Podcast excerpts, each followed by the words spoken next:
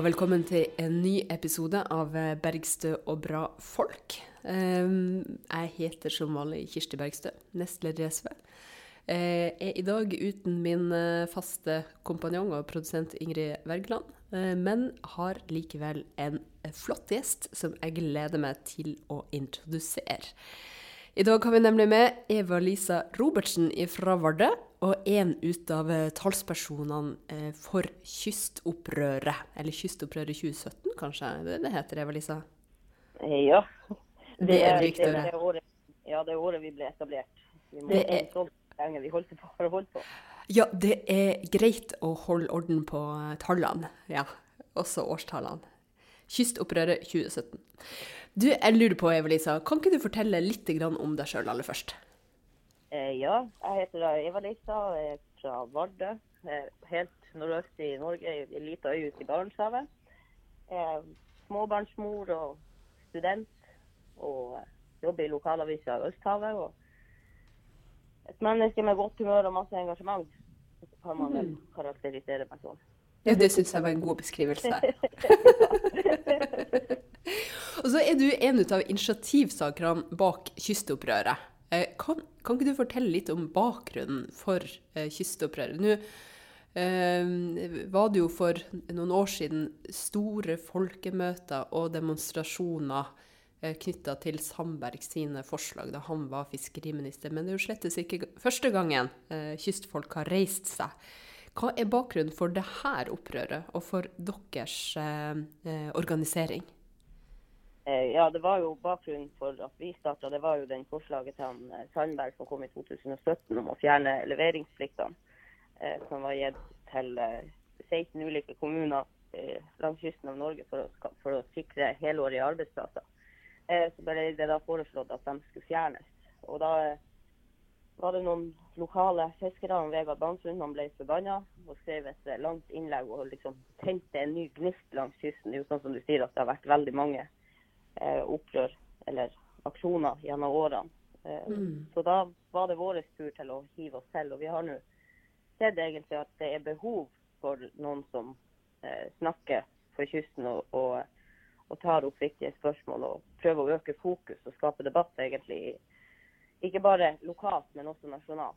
Så vi har da organisert oss gjennom kystopprøret og har holdt på siden, siden da. Med ulike aksjoner og jobba med og prøve, prøve å gjøre forskjellige ting for å skape oppmerksomhet. Og reist rundt omkring og hatt forskjellige eh, sånne, ja, aksjoner. Og, og funnet oss veldig masse folk som vi jobber sammen, sammen med. da. Men den her, eh, tilbake til den leveringsplikta. Eh, Fordi eh, vi har, vi har lyttere fra 18 forskjellige land, siste sjekka. Og det er ikke gitt at alle sammen der ute kjenner til hva er det for noe, hvorfor er den så viktig for kystsamfunnene? eh, leveringsplikten. Ja, Nå er det jo sånn at leveringsplikten ikke funker, men eh, når den ble gitt til de her samfunnene, så ble det tatt et stort kvantum av fisk fra eh, kystflåten til å gi til noen store båter, sånn at eh, de skulle kunne eh, sikre at eh, bedriftene langs kysten hadde råstoff til å ha arbeid hele, rundt hele året. Eh, og etter hvert så har den her da blitt uthula og forandra. Det har kommet endringer av eh, all slags politikere egentlig opp gjennom tidene, sånn at eh, den ikke funker sånn som den skal. Eh, og at eh, fiskebruk har gått konkurs, og de her eh, pliktene, trålpliktene har blitt samla opp på færre og færre hender. Eh, sånn at det er noen få personer som sitter og disponerer enorme kvantum med, med fisk som, som da kunne ha skapt arbeid her. Det som skjer i dag, er at de eh, fisker det opp, fryser det gjerne om bord eller på land, og så sendes det ut til bearbeiding i andre land. Eh, nylig så kom det, eller for, I fjor så kom det ei, ei pressemelding fra Norsk Sjømat som viser at det faktisk er 20 000 arbeidsplasser bare i EU som jobber med foredling av norsk fisk. Og det er liksom 20 000 arbeidsplasser som kanskje kunne vært i Norge. Eh, sånn at det er liksom Hvordan kan man jobbe for å få den fisken til å skape mer ringvirkninger langs kysten av Norge? Nå bor jo jeg i Vardø, eh, og hvor det var en sånn massiv konkurs på på 2000-tallet. sånn at eh, ja, siden 1970-1980 så er folketallet blitt halvert. Eh, og veldig masse folk har flytta. Og Vardø er ikke noe sånn enestående eksempel på, på, at det har gått galt, liksom. Men, men det, er, det, er, klart at hvis man kunne fått mer den her trålfisken tilbake, så kunne det ha gitt enorme ringvirkninger for samfunnet. Mm. For Det er jo ikke gitt at alle skjønner forholdet mellom folk og fisk. Eh, hvor, eh, hvor, avhengig kystsamfunnene er nettopp av eh, den ressursen som ligger rett utenfor stuedøra vår. Mm. Nei, det, nei, det, er klart at det er liksom sånn her Mange tror at fiskeripolitikk bare handler om fiskeren eller båten eller fiskebruket, men det handler jo om hele samfunnet. Det er, som, eh, det er jo det som er grunnlaget for bosetning langs kysten. Det er alt av både skoler og barnehage og helsetjenester og, og butikker og servicenæring, det har alt henger liksom i hop. Så du ser jo at når, når ikke det er eh, den industrien som man har potensial til å ha, så er det heller ikke de andre tjenestene så gode som de kunne ha vært. Eh, men det er klart, det går bedre i fiskeriene og alt sånt her, men det kunne, man har så potensial til at det skal være så kjempemye mer. Um, mm. Og så er det jo en sånn her uh, en av hovedtemaene som vi liksom uh, fronter, det eller hovedbudskapet vårt er da at naturressursene tilhører folket, og at det skal skape aktivitet langs uh, kysten. For sånn som det er nå, så er det at fisken som egentlig tilhører folket i fellesskap, blir havner på færre og færre hender. Eh, sånn at det er vel et tyvetalls familier i Norge som disponerer rundt 50% av ressursene i havet, og det er ikke greit i det hele tatt. Eh, at at noen få liksom kan sitte med, med nøkkelen til hva samfunnet er det som skal leve, og hva samfunnet er det som ikke skal få leve. Mm. Der har jo SV fremma et, eh, et, rett og slett forsøk til endring i Grunnloven. Eh, fordi vi ser at utviklinga har gått så, så langt eh, at, at, man bør løfte opp de her spørsmålene til, til Grunnloven. Og foreslått at fisken skal eies av fellesskapet og og at den skal forvaltes på en måte som sikrer arbeidsplasser og bosetting eh, på land. Fordi at det er jo et spørsmål om fordeling, om ressurser, om, eh, om makt. Eh, og også om hvem som skal ha kontrollen over noe av det aller viktigste i samfunnene våre. Absolutt. Og det er helt, det er helt fantastisk det forslaget som har kommet. og Det er nå bare å, å håpe at folk tar til vett. Ja, jeg tror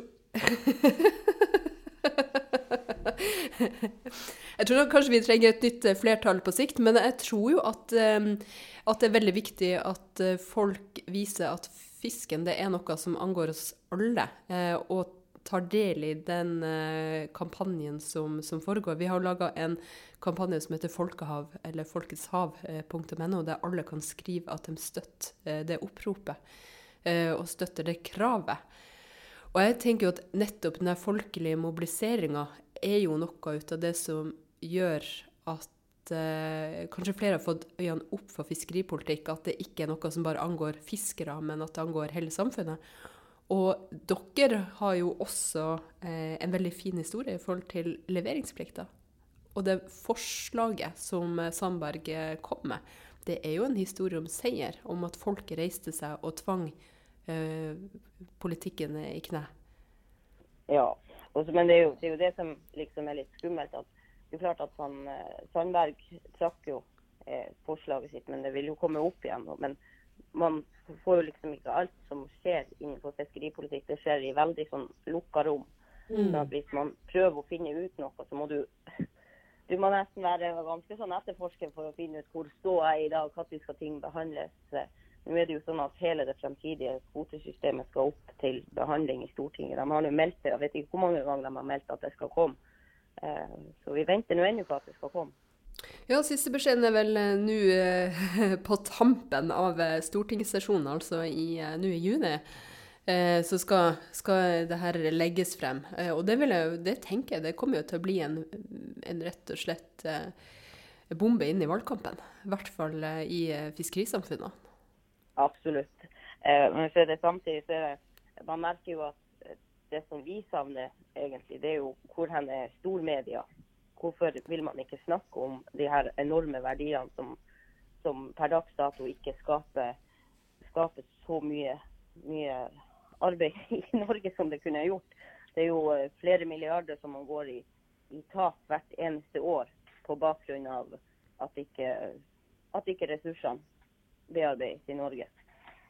Så Mm. det er litt sånn her eh, Hvor hen er, er det greit at det er noen få som skal sitte og, og håve inn eh, milliarder av kroner på sikt, eh, med at eh, samtidig så går eh, kystsamfunn til Ja, nå skulle jeg si noe som ikke jeg skulle si, men at det går veldig galt.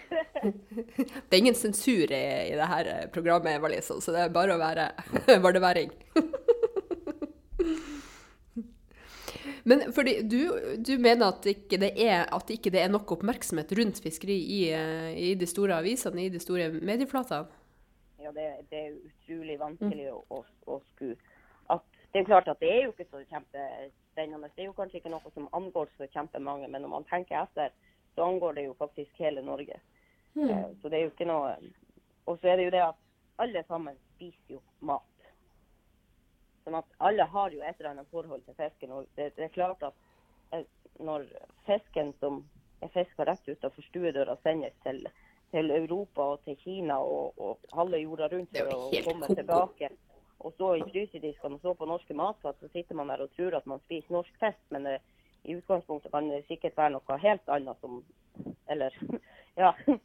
Det kan være fisk fra helt andre verdensdeler. Det kan være eh, det har jo vært veldig mye sånn i forhold til at uh, produkter sprøytes med forskjellige ting i utlandet før det kommer tilbake til Norge. Men altså, man har potensial til å, til å, å ta det førsteklasses råstoffet som man har i, eh, rett utafor stuedøra, har jo jeg her, da, men, men eh, rett utafor kystlinja. Og så kan man bearbeide det med, med gode lønnsvilkår og ha et uh, ordentlig arbeidsforhold. Og så kommer det i butikkene, og at man kan vite at denne fisken den er behandla på en god måte. Det er kjempegod kvalitet. Eh, den, folk, den har skapt noe her i landet, liksom. Istedenfor så er det noen få som sitter og tjener på at den sendes på andre sida av, av verden før at den eh, kommer tilbake på norske matfat. Og det her er klart at folk, folk vet jo ikke det. Man kan jo liksom prøve å gå i en vanlig matbutikk og skal gå, så skal man gå og kjøpe seg fiskekaker eller fiskepinner eller nordnorsk fiskegrateng. Ekte norsk, nordnorsk, tradisjonell fiskegrateng. Så ser man på baksida, så står det 'pakket i Kina' eller 'produsert i en E-kode' en eller annen plass. Og det er klart at man må eh, Det handler egentlig om å øke bevisstheten og egentlig prøve å være klar over hva industri og hva det er man støtter med å kjøpe de her, de her produktene. Mm, behold fisken hjemme. Skape arbeidsplasser der du bor. Mm. Og da tenker du at man heller burde kjøpe de produktene som, eh, som er lagd i Norge? Ja, det, det er ikke så veldig enkelt å finne dem. Nei, det er ikke det. Det er liksom Lofoten. det er jo litt flere, det er jo litt flere da, men, eh, men det er ikke enkelt å finne. Men det er jo, altså, jeg har jo sett at jeg har vært og besøkt eh, videregående skole i Vardø, og, der det, og også den nasjonale eh, sjømatlinja som, som eh, vi er mange som har jobba for at skal bli en realitet. Og der så jeg jo også at det var en liten fiskebutikk som er åpen innimellom, eh, og som eh, drives i tilknytning til, til skolen. Men det er, jo, det er jo skremmende få kystsamfunn også eh, som har fersk fisk til salgs. At folk bare kan fære og kjøpe seg fisk. Ja. Nei da, det det er klart at vi har jo det privilegium at vi kan gå ned på fiskebutikken, eller at vi mest sannsynlig kjenner noen som er fisker, sånn at man får, får. Og så har vi jo eh, lokalbutikken også som selger eh, fersk fisk som er, er herifra. Sånn at de gjør det, ja. Vi har, ja, ja, vi har valgmuligheten her, men det er jo klart at du skal jo ikke lange mange milene for at du ikke har den valgmuligheten. Eh, og det er kjempedumt når Norge liksom er den sjømatnasjonen som, som man er.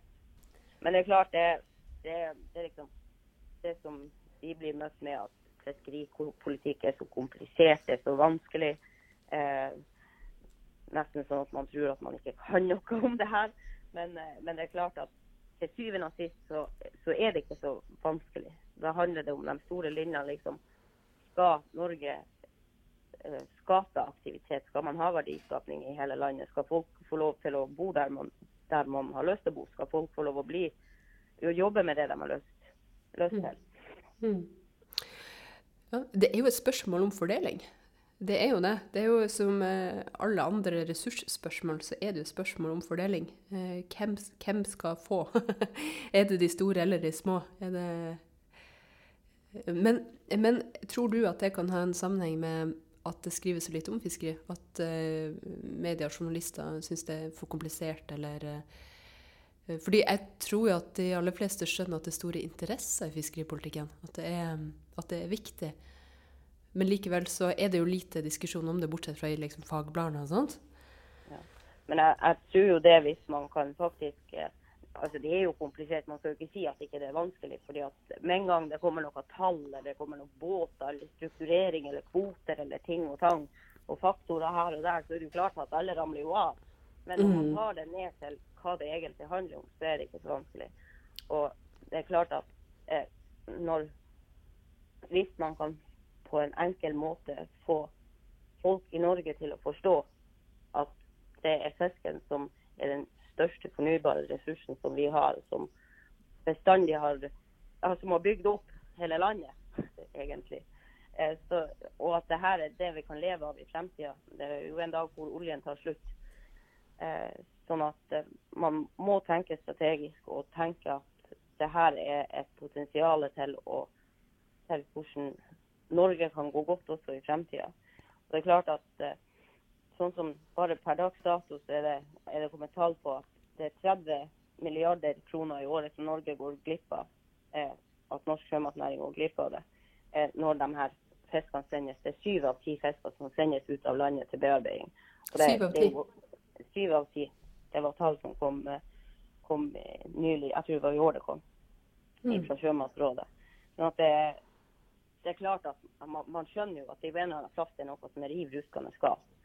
Eh, men, eh, men, samtidig så sitter de som har de her eh, som har alle de er vant med flest, de sier at ja, det går ikke an. Eh, skjønner ikke hvorfor, hvorfor kystfolk reagerer. Det har nylig vært store oppslag fra eh, Bø i, hvor, hvor, de har en pågående debatt i forhold til mm. levering. Eh, sånn at det, det, er et eller annet Jeg husker ikke hva jeg begynte å snakke om engang. men, men det er noe som er galt. Mm.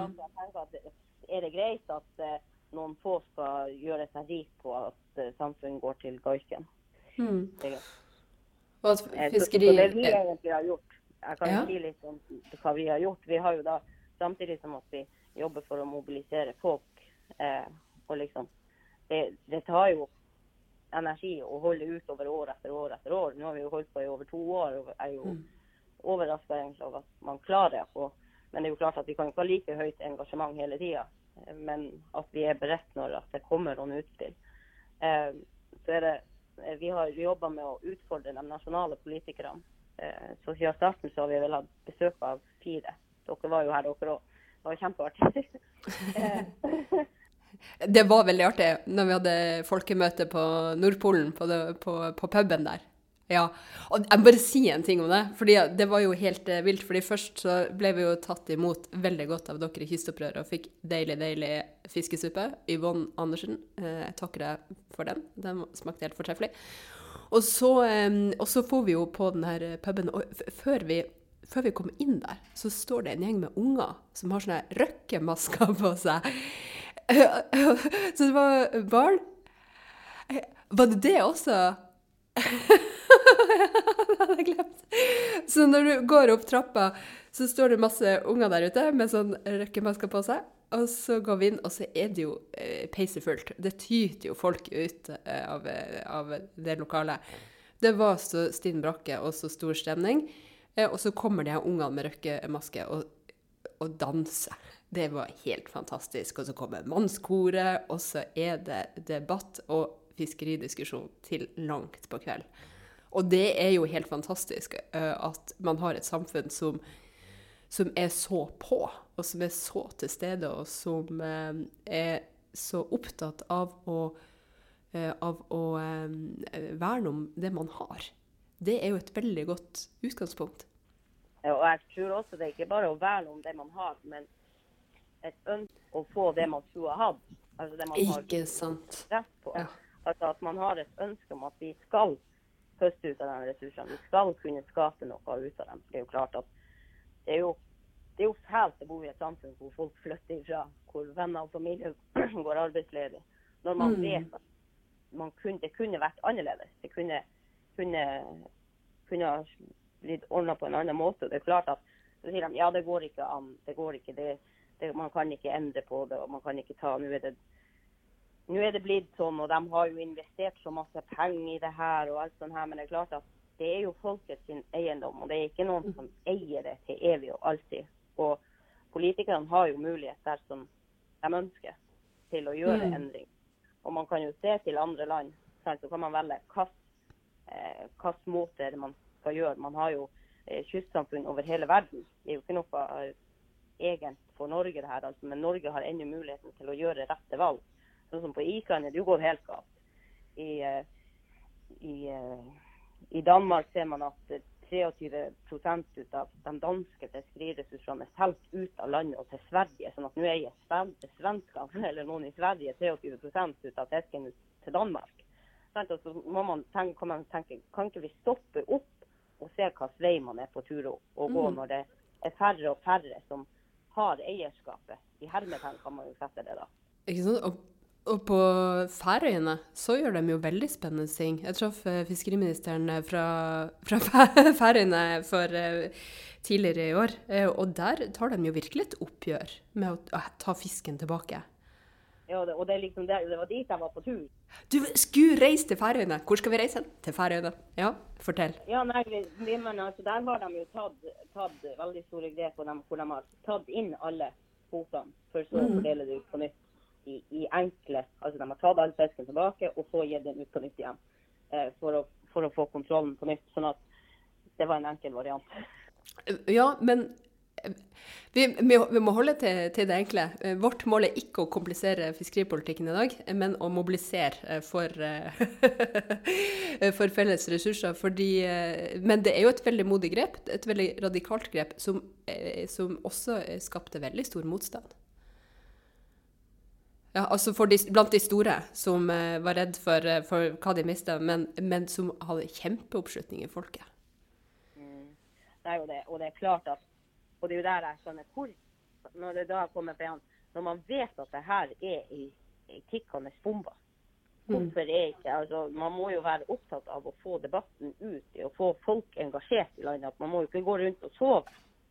Så da tenker jeg og at hvorfor kan ikke det liksom ja, men vi har, og Plutselig så treffer man noen nye. Ja, men vi har ikke hørt om dere. Det står jo ikke noe i avisa eller det står ikke noe på her eller der. sant? Det er jo jevnlig, så er det jo litt, litt ute i media. Men altså, man, når media har så stor makt som de faktisk har, burde de ikke da også løfte saker som har så stor betydning for så mange, og som man, man også vet at det er en brannpakke. Det er jo store forskjeller mellom høyre- og venstresida i akkurat fiskeripolitikken og denne fordelinga. Um, og det ser vi også, er sånn som jeg sier, at vi utfordrer de nasjonale politikerne til å svare oss og til å komme og besøke oss.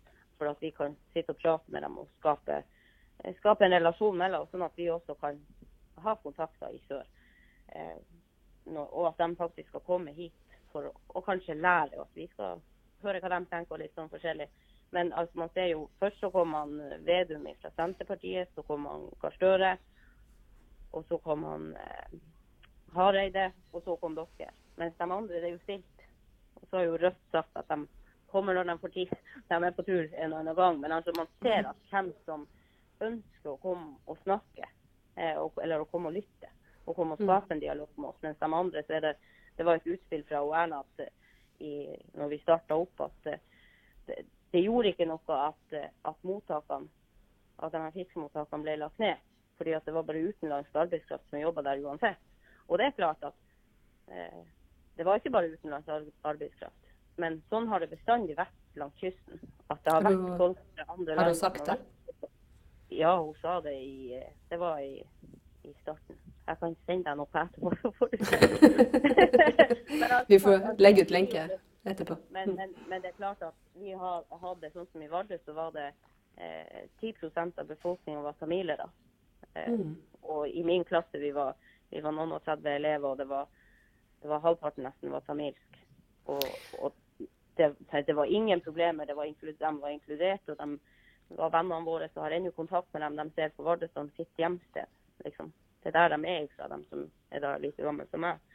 Eh, men, men, det er klart at om man hadde hatt fin, finsker som har finlendere som har jobba, man hadde hatt svensker som har vært og jobba Det er jo klart at uansett hvilket land de kommer fra, så har mm. de jo vært en del av samfunnet og, og eh, bidratt på sine måter. Så eh, om de nu, hvor de nå kommer fra, det er nå i nord er det jo veldig internasjonalt, egentlig. Altså det at man har passert grensa Eller at det er mye grensepassering mellom Finland, Russland, eh, Norge i seg sjøl, gjør, gjør, jo at det er et internasjonalt preg på samfunnet i, i nord. Og det at man har hatt mange folk fra, fra, forskjellige land som har kommet og, og, um, og jobba, det Eh, og kystsamfunnene er jo prega av at folk, eh, folk, De er jo åpne. Folk kommer jo dit. Men eh, det uttrykkes jo veldig fint i den sangen 'Skål for Finnmark'. Den er ja. kjempefin. Der har du jo også en ting Nå kommer man jo inn på den der Finnmark. det der, men altså, i forhold til sammenslåing. Men det er liksom, når det kommer saker som er av så stor, sånne store saker så kommer de med masse sånne saker som har så stor betydning for Finnmark. Så man står der og kikker hva, hva skal jeg engasjere meg i nå, liksom.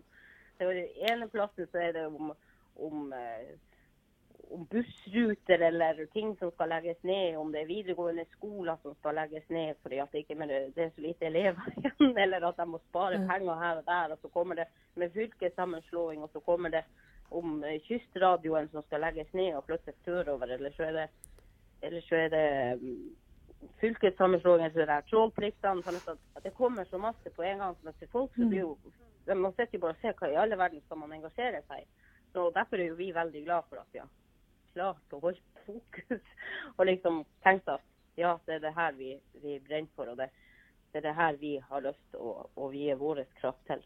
Samtidig som at mm. man støtter mange andre ting òg. Men, eh, men, det er klart at man, når skal det stoppe? liksom? Når skal du slutte å måtte kjempe og slåss? Men kanskje det er det som gjør at man får en ekstra kjærlighet til kysten og til havet og til Ja, jeg vet ikke. Til uh, å engasjere seg i det samfunnet man bor på. At man faktisk må mm. kjempe og slåss. Men det er klart det, det er kjempeslitsomt når, når det hele tida kommer ting truende krefter utenfra som faktisk ofte ikke har peiling på hva de snakker om, hvis man skal si det rett ut. Ja, og der sentraliseringspolitikken skyter fart er så, så, voldsomt. Og det har jo foregått et ressursran over tid. Eh, og det er derfor jeg tenker at eh, kystopprøret er så, er, så, er så, viktig. Fordi alternativet til å reise og stå imot og kreve eh, det man burde hatt, det er jo avmakt. Og det er jo et helt forferdelig eh, alternativ. Eh, at folk føler at det er ingen talspersoner, det er ingen talsrør, det er ingen som snakker deres eh, sak. Og det er, mitt inntrykk er jo at det er noe som dere virkelig prøver å, eh, å få til. da. Altså, Du er jo ikke fisker sjøl, eh, men er brennende opptatt av fisk. og, og dere prøver jo å skape engasjement og få flere til å ta del og, og skjønne hva som, hva som skjer. Du har jo vært eh, inne på liksom, mangelen på, på, media sin eh, dekning av fiskerispørsmålene flere ganger nå, Evelisa. Men du har jo egentlig tatt den saken litt i egne hender. Fordi du har jo vært med på å gi ut en bok som heter 'Tar dem fisken, tar dem oss alle'? Ja.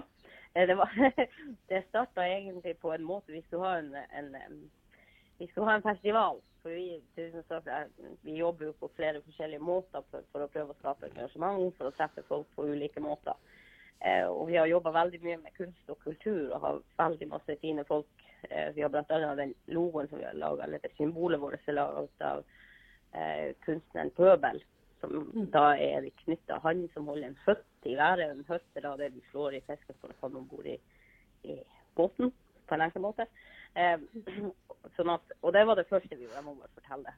Eh, for da vi ble så irritert. Det var ingenting i media. Det var stadig, det her var før forrige valg. Det var ingenting i, i de her partilederdebattene. Det var ingen fisk var ikke nevnt i det hele tatt.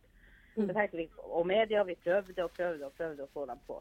Så det det, det endte med, var at vi tok eh, og malte den her opp på den største veggen eh, i Vardø, på et hus midt i sentrum.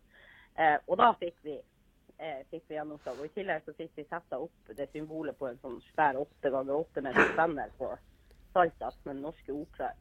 Og Da begynte det å tikke, og det endte jo med at det ble spørsmål i, i partilederdebatten om det her. Og det var eneste gangen man så at det var virkelig forskjell, at de ble engasjert faktisk når de snakka. P eh, partiene, tenker du? Ja, partilederne.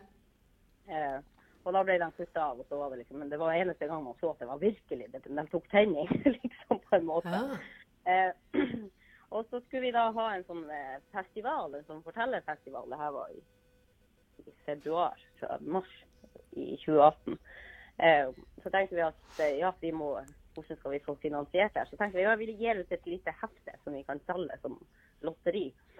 Og så tenkte jeg ja, vi må jo ha en liten artikkel med om hva kystopprøret handler om. og litt sånn her, Og så begynte det bare å balle på seg det her. Så så man jo at, at det er jo så masse vi må ha med i det her. Og da endte det med at det ble ei bok eh, som er egentlig sammensatt av veldig mange av de tingene vi har gjort. Eh, som viser veldig mange ut av eh, de ulike stemmene. At det, det er dikt og det er sanger som er laga er det her. Det er kunstverk, det er, det er professorer, det er fagfolk, det er, er miljøorganisasjoner, det er politikere. Altså man ser den bredden i det engasjementet som egentlig er. og eh, den er, den er veldig fin. Eh, Forsida på boka er, er laga av kunstneren Arvid Sveen på 70-tallet. Mm. Og så er det sånne eh, og Vi ble bare næ når vi så det. Det var helt tilfeldig at vi kom over det. Og vi er veldig takknemlige for at vi fikk lov å bruke det. Og da viser man egentlig hvordan trålerne bare kjører av gårde og soper med seg både fisken og husene og båtene og, og til slutt arbeidsplassene og fiskene, nei, folkene og maten på bordet, sånn at de liksom tar det med i trålen. Og det er jo akkurat det som skjer. Ja, det er et veldig sterkt bilde. Mm. Ja, og det, og, det, og det jeg tenker, det er jo veldig spesielt at dette faktisk er laga for 40 år siden. 50, 70, ja, 70, jeg husker ikke hva det var. 79. Ja, 40 blir det. Ja. år siden. Og at det faktisk eh, viser akkurat den utviklinga som har skjedd. Og så da tenkte jeg, hvordan kan man snu det her? Og da er det, da er det bare å, å fortsette. For man vil, ikke at det, det, man vil liksom ikke at det som er skjedd i Vardø og på mange andre små samfunn langs kysten, skal skje dem som er. Som hvordan kan man snu den utviklinga som har vært. Og vi har vært veldig opptatt av at vi har ikke de her svarene. Vi har ikke, sitter ikke på løsninga nummer én, at det er det her som må gjøres for at, eh, for at ting skal gå bra. Men det er klart at punkt én er jo faktisk at, at man stopper opp og slutter å la alle ressursene havne på færre og færre hender, og lar dem eh, kjøre ut av landet. Men hvordan kan man ta f.eks. levere de her plikt, eh, pliktene og, gi, og, og føre det tilbake hvordan, hva som vil være best. Men ja, det er mange, mange måter å komme dit, men vi ønsker at det skal bli debatt, at eh, det skal bli engasjement, og at denne eh, politikken som føres i dag, skal stoppe. Og at man skal faktisk få lov å ta del i og, og, og være med på og, og kanskje få vite hva som skjer. Mm. Og et siste moment i det her, eller ikke det siste, men også et moment, det er jo fremtidig rekruttering. Til fiskeriet? Ja, altså på, jeg vet at Vi bruker å si at eh, fiskeripolitikk handler ikke bare om fisken og båtene, men det handler jo veldig mye om fisken og båtene. Liksom, som egentlig som i bunn og grunn, men det handler om så mye mer. Men så er det liksom det her eh, hva en ungdom må ut med for å, for å kjøpe seg en båt. Hvor høy skal prisen for å komme inn i, i fiskeriet bli? Mm. Eh, og det er, det er liksom i det her Eidesen-utvalget hvor få ganger ungdom er nevnt, og hvor få ganger kystflåten er nevnt, og sam fiskeri som samfunnsbærer kontra eh, trålflåten og, og kapital og hva det nå måtte være slags ord man tar hvis man tar ordsøk i Eidesen-utvalget. Den Mm. fremtidige kvotepolitikken. Men eh, nei, Ungdommen min. Men du sier, eh, Valisa, at dere har, ikke alle, dere har ikke alle svarene, men dere har jo noen krav. Eh, hva er liksom de viktigste kravene til kystopprøret? eh, den viktigste Nei, det er punkt én er at det skal tilhøre folk og skape aktivitet. Og så har vi vi har liksom det her av at eh, politikerne må begynne å snakke om det her. Eh, og at man må begynne å ta, at det må bli en større nasjonal debatt. At det handler ikke bare om de fiskerisamfunnene som går godt i dag. Sånn som man har plasser som går kjempebra. og Det er jo de her suksesshistoriene som man får hø høre. Ja, ja, og regjeringa sier jo det har jo aldri blitt landa så mye fisk noen gang før, sier de. Ja. Ja. Men så kan man kikke seg over kommunegrensa, eller er jo litt langt til neste kommune, men det er liksom ingenting. Men, eh, sånn at det er liksom, men vi har at eh, naturressursene tilhører folket, og at den skal skape aktivitet langs kysten. Også, hvordan, også i de samfunnene som per i dag ikke har denne industrien. Og det er jo sånn som man tenker at det er det er, Hva si? Det var, eh, ja, det er det her med at ja, det er 20 000 arbeidsplasser, og det er jo bare i, i, eh, i Europa. Liksom, men når, du- man vet også at syv av ti fisker be- bearbeides i utland.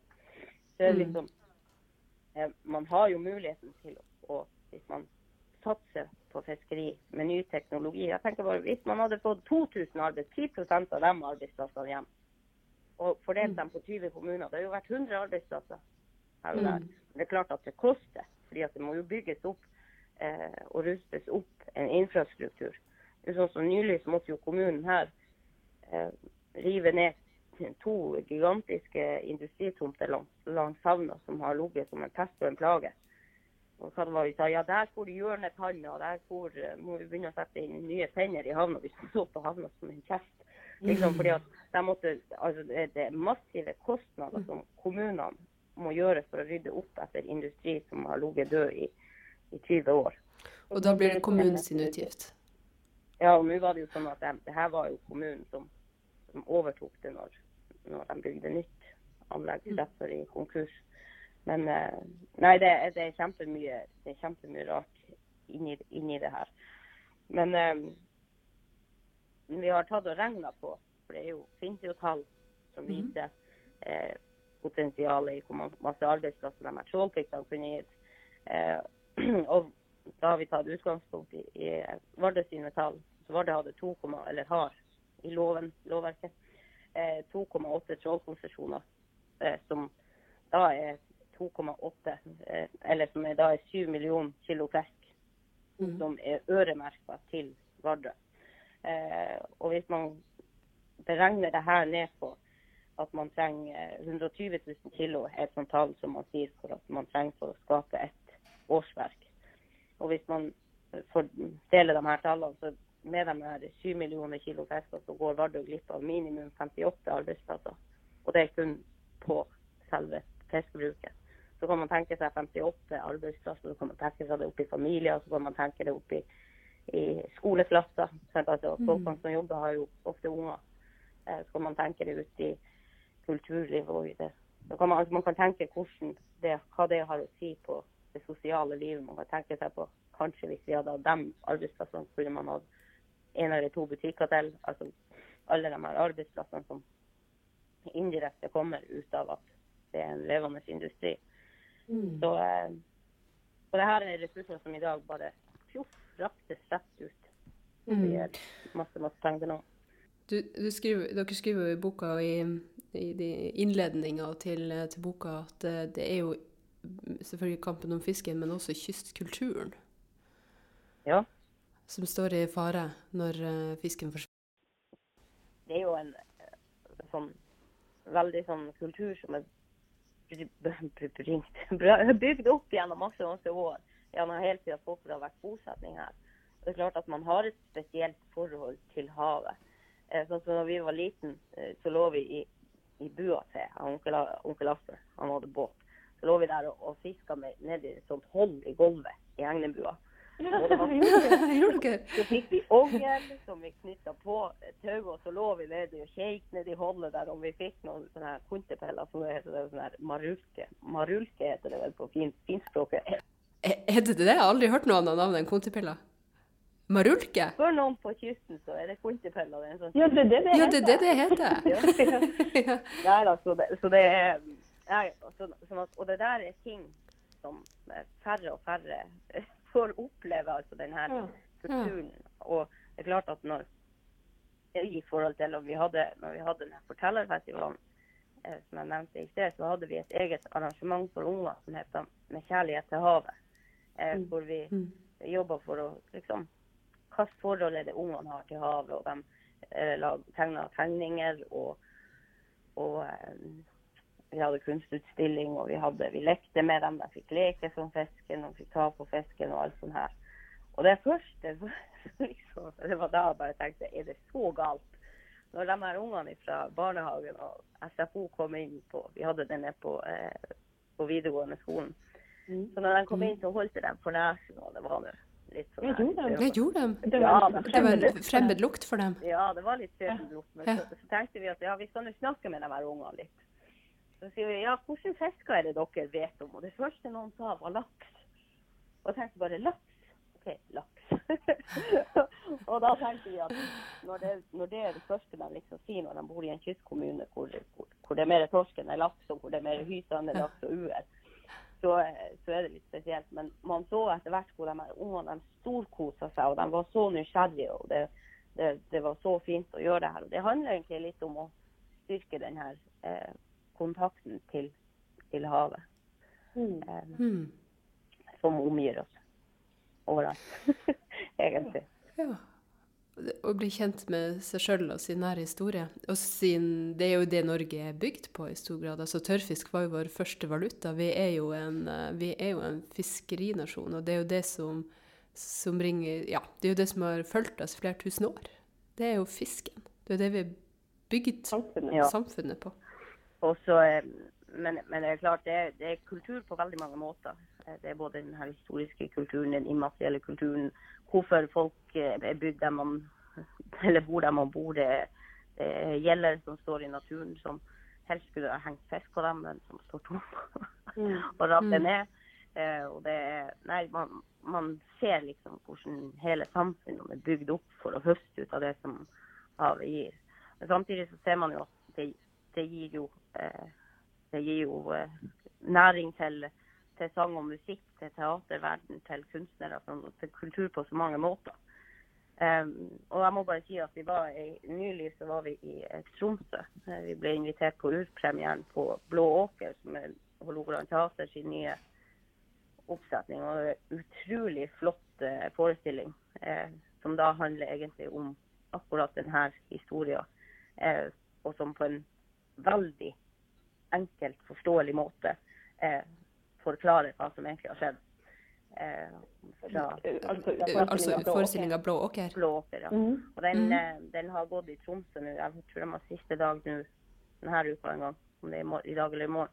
Eh, og så skal de til eh, Oslo i neste uke eh, på Hedda-dagene og ha to oppsetninger der. Eh, før de skal på turné rundt omkring i, på nyåret. Men den er, den er utrolig fin. og det, det er liksom der også, det er ikke bare kulturjournalistene som burde gå på det der og skrive en anmeldelse av oppsetninga, men det der er faktisk noe som, som politiske eh, journalister burde gå på for, for å se galskapen i det som har skjedd, og for hvordan kysthoppere har stått og, og måpa egentlig på, på hvordan storpolitikken har ramma samfunn etter samfunn. Og, nei, det var eh, utrolig flott. Det var at man satt med, tidvis med tårene i øynene, og tidvis så satt man og flirte fordi at man kjente seg sånn igjen i hva som egentlig har skjedd. Og samtidig så stiller de det store spørsmålet på slutten om hvilken vei skal man velge. Skal man velge den islandske veien, eller skal man velge færøyske modellen? Altså det er Norge som har muligheten til å avgjøre det her. Mm. Sånn at det er fiskekultur på mange måter. Også teater. Også til dagens eh, kulturtips der. Um, og det er jo vanlige folk som har eh, muligheten til å velge, men da må man jo velge flertall eh, som vil folket og fiskens vel. Mm. Men du Eva-Lisa, hvis noen har lyst til å lese denne boka og, få fatt i den, hvordan, hvordan kan de få det til da? Ja, de kan, de kan kontakte Kirsti. Skal jeg bli bokhandler? Nei. Ja, nei, den, den ligger i salg ute i ulike butikker da, litt rundt omkring i Nord-Norge. Men eh, det enkleste Hvis man bor i, i, i Nord-Trøndelag eller Agder, Hvordan skal de få fatt i den boka? De kan gå inn og bestille den på Facebook til oss. Eh, vi har en Facebook-side hvor det står å sende melding der, eller per telefon. Eh, ja, de har jo ikke telefonnummer nå, da. Men hvis man bare søker etter kystopprøret, så finner man informasjon en eller annen plass. Da finner man den. Og på Facebook så kan man jo like sida deres og følge med hva dere gjør. Det, og, og få en fin oppdatering rundt uh, kyst og fiskeri. Men det er å gå inn på Facebook og, og bestille den. Eh, og vi har også T-skjorter. da. Det er jo, det er jo som sagt, Vi eh, er jo en frivillig organisasjon. Og det er, alt, det er det vi lever av. Det er boksalg og T-skjortesalg til, til at vi skal kunne gjøre ulike ting. Og det er klart at vi merker jo at det er kjempemange som vil være med oss, hvis jeg skal si det på den måten. Eller ha oss med på laget. Ja. Eh, Men det er klart at det koster jo. Vi bor jo, eh, vi bor jo midt i sentrum, eller det skal jeg si. Eh, Og det er klart Midt at i det, fiskegryta. til fiskegryta. ja, nei, men det, det er store kostnader med å drive og reise rundt omkring. Og, Ja, det tar tid òg. ja, tid, tid og krefter. Tid, krefter og penger. Sånn at det, det er boksalg og T-skjorter som egentlig finansierer hva vi har muligheten til å gjøre. Og så skal vi jo fære på, eh, ja, vi skal på festival i sommer. Vi skal på, eh, på Karlsøyfestivalen. Eh, De har invitert oss dit. Sånn det er sånne små ting som Eller store ting. Vi, Veldig store ting, det, da. ja, det, nei, men altså, vi har, ja. vi har store Vi har mange som har lyst til å ha oss med. Men det er akkurat denne tida, og det er kreftene at man skal ha, ha Men man ser at det er et behov. Det var det jeg liksom, liksom skulle si. Og så har vi et veldig Mm. fint samarbeid med Natur og Ungdom, det må jeg bare si. Eh, Ja, De driver og mobiliserer ungdom til å prøve ut eh, fiskeyrket, gjør de Ja. ikke det? de har et sånt, eh, et sånt program som heter Fisk for fremtida. Det er veldig Det er veldig kult. som er fiskeriarbeidsuka for ungdom. og Den har tidligere vært eh, arrangert nede i Nordland, tror jeg det var. Eh, men i år så har de valgt å flytte den hit til Vardø. Og så skal vi ha et eh, samarbeid med dem her. Hva, til, hva skal skje da? Vet ikke ennå. Nei da. Ja, Er det noe folk kan melde seg folk på? kan melde seg på? eh, Det er jo for ungdom, eh, det Ja. opplegget. Ja. Men de unge folkene? De unge folkene kan søke om å få være med. og Da får de prøve fiskeryrket, de får være med ute med båten, de får prøve å være med på fiskebruket, de får lære om fisk, fisk og miljø og forskjellige ting. Og de skal lage noe mat og forskjellig. Og så er det det som liksom skal foregå. Så har vi snakka om at vi, vi skal prøve å få til et uh, arrangement sammen med, dem, altså Kystopprøret og Natur og Ungdom. Skal det skje i sommer, eller? Det er i august. mener jeg. August, I august. Og hva er det midt i valgkampen? Og så er det sikkert før skole og studiestart og sånt. for Fordi eh, Ja. Men eh, hva er, hva, hva er liksom aldersgrensa? Når man er i slutten av 30-åra, så blir man sånn desillusjonert. med Hva er, hva er ungdom? Nei. er det nei? Men det er bare Nei. å gå inn på Natur og Ungdoms side på, på, eh, på nett, så finner man informasjon. Men jeg lurer på om det var opp til noen og 20 sikkert. etter. Nettopp. Sikkert medlem, aldersgrensa for medlemskap i Natur og Ungdom, kanskje. Vet ikke. Det får man jo sjekke ut. Det er jo et godt tips til alle som hører på. Ja, jeg kommer jo selvfølgelig Ja, jeg kommer. på det. Er jo midt i Ja. valgkampen, og du stiller jo til valg, så da kan jo du være en ut av debattantene hvis vi har en større debatt. Ja, Ja, klart. jeg vil. klart jeg vil. Og så har jeg jo lyst til å treffe alle de fantastiske unge menneskene som snuser på fisk, og lurer på om det kan være noe for dem. Det er jo eh, Det må jo være en enorm glede å få, få, få treffe på dem. Mm.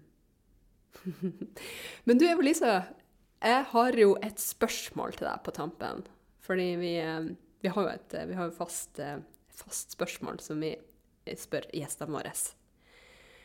Og det er Hva var din aller første jobb? Ja, det, det, det, det vet jeg.